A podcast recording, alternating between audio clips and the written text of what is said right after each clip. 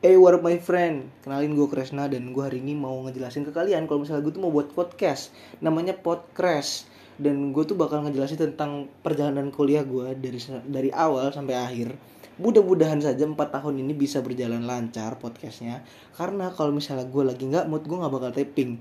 Dan itu adalah salah satu kelemahan gue Jadi doain aja kalau misalnya gue tuh bisa menjalankan podcast ini secara langsung dan terus menerus So gitu aja. Gue Kresna pamit. Dadah.